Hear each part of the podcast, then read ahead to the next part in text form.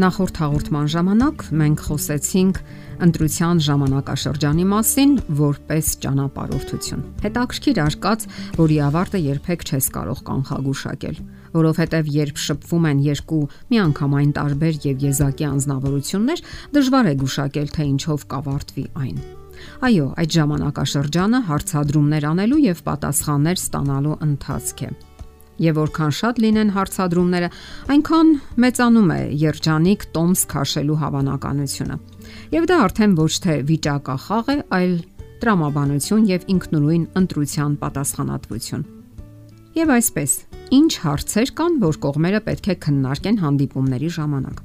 Ամենից առաջ ասենք, որ հարկավոր է պատրաստ լինել ամեն տեսակի անակնկալների։ Կլինեն իհարկե հիասթափություններ եւ դժգոհություններ Հնարավոր են նույնիսկ նավաբեկություններ, սակայն կյանքում դա էլ է պատահում, թեև բոլորովին էլ պարտադիր չէ։ Երիտասարդները պետք է իմանան, որ երազանքներն ու լավագույն ցանկությունները այլ են, իրականությունը այլ բան։ Կյանքը, իրականությունը սրբագրում է մեր երազանքներն ու պատրանքները։ Որովհետև յուրաքանչյուր մարդ անհատականություն է, անծանոթ մի աշխարհ, որ հարկավոր է ուսումնասիրել ու parzavanել։ Ամուսնությունից հետո շատերն են ասում. Ես չգիտեի, որ նա այդպիսին է։ Կամ էլ ես գիտեի, որ նա այդպիսին է, սակայն չէի կարծում, թե դա այդքան կարևոր կլինի։ Ահա թե ինչու հարկավոր է նախորոք հստակ ողրզել, թե ինչն է իսկապես կարևոր ձեր եւ ձեր կողակցի համար։ Եվ հույս անգամ չունենաք, թե դա կարելի է փոխել։ Քիչ մարդիկ են փոխում իրենց բնավորության գծերը, իսկ ահա փոխհամաձայնություն հնարավոր է։ Ասենք որ անհամաձայնություններ միշտ էլ կլինեն։ Պարզապես միասին ճշտեք, թե ինչ եք պատրաստ ընդունել եւ ինչ ոչ։ Միշտ էլ հնարավոր է փոխհամաձայնության գնալ, սակայն կան դեպքեր, երբ շատ ավելի լավ կլինի խաղաղ բաժանվել, քանի դեռ ամուսնության որոշում չի կայացվել։ Եվ որքան շուտ կայանա այդ զրույցը, այնքան պակաս ցավոտ կլինի այն։ Իսկ եթե դեռևս թերություններ չեք գտել ձեր դիմացինի մեջ, շարունակեք այդ զրույցները այնքան ժամանակ, մինչև տեսնեք նրա բնավորության թույլ կողմերը։ Շատերն այն կարծիքին են, որ իրենց սերը իդեալական է, եւ այդ մտայնությամբ էլ նրանք կյանք են մտնում, որpիսի քիչ ժամանակ անց համոզվեն իրենց սխալ ընտրության մեջ, որովհետեւ մինչ այդ պարզապես լավ չեն ճանաչել իրար։ Իսկ երբ նախորոք արդեն parzել եք դիմացինի թերությունները, ապա ձեզ համար parzեք։ Պատրաստ եք հաշտվելու դրանց հետ։ Այո, ոչ ավել, ոչ պակաս, հենց հաշտվել, որովհետև դուք չեք կարող դրանք ուղղել։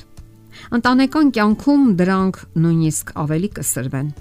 Այնպես որ ավելի լավ է դրանց նայեք մի քանի անգամ խոշորացրած ապակիների միջով։ Շատ լուրջ պետք է վերաբերվեք նաև ալկոհոլի հարցին։ Բավական անլուրջ վերաբերմունք կա այս հարցի վերաբերյալ սակայն պարտադիր է ճշտել ալկոհոլի հանդեպ դիմացինի վերաբերմունքը։ Ընտանեկան բռնությունների զգալի մասը տեղի է ունենում խմիչքի պատճառով եւ խմիչքի հետևանքով։ Ալկոհոլը շատ լուրջ խնդիր է։ Անկամ փոքր կախվածությունը հետագայում լուրջ հիմնախնդիր կարող է դառնալ։ Ընտանեկան հարաբերությունների որոշ մասնագետներ նույնիսկ խորհուրդ են տալիս աղջիկներին, որ իրենց ընտրությունից բացառեն այն տղաներին, ովքեր ալկոհոլի հանդեպ սեր ունեն որովհետև դա վաղ թե ուշ աղետների կհանգեցնի, եթե ոչ ողբերգության։ Եվս մի կարևոր հարց. Աստծո դերը մարդու կյանքում։ Կարևորեք ու ճշտեք միմյանց հոգևոր հայացքները։ Ինչպիսին է մարդու հոգևոր վիճակը կամ որ նույնն է սերը Աստծո հանդեպ։ Դա անկարևոր չէ։ Արդյոք ձեր դիմացինը հավատում է Աստծուն, հետևում է Աստծո հրահանգներին։ Արդյոք ազնիվ է։ Իսկ անկեղծությունն ու հավատարմությունը Դրանք նույնպես անկարևոր որակներ չեն։ Հավատարմությունը ընտանեկան արժեքներին միշտ պետք է ստուգում անցնի։ Առաքինությունը բացարձակ պայման է։ Իսկ դավաճանության մասին խոսք անգամ չի կարող լինել։ Եվ այսպես պետք չէ քաշվել, հարցեր տվեք, քննարկեք, այլապես հետո եք քննարկելու, երբ արդեն ուշ է որոշ բաներ ճշտելու համար։ Իմաստ ունի ճշտել նաև թե հանդուրժողականության որ մակարդակի վրա է այն անznավորությունը, որի հետ ցանկանում եք կապել ձեր ողջ հետագա կյանքը։ Հանդուրժում է արդյոք նա ուրիշների անհատականությունը։ Պատրաստ է ընդունել ձեզ առանց ավելորդ հարցերի։ կիսում է ձեր կարծիքներն ու տեսակետները ամենատարբեր հարցերի շուրջ։ Իսկ եթե դուք ունեք առանձնահատուկ մոտեցում շատ երևույթների հանդեպ,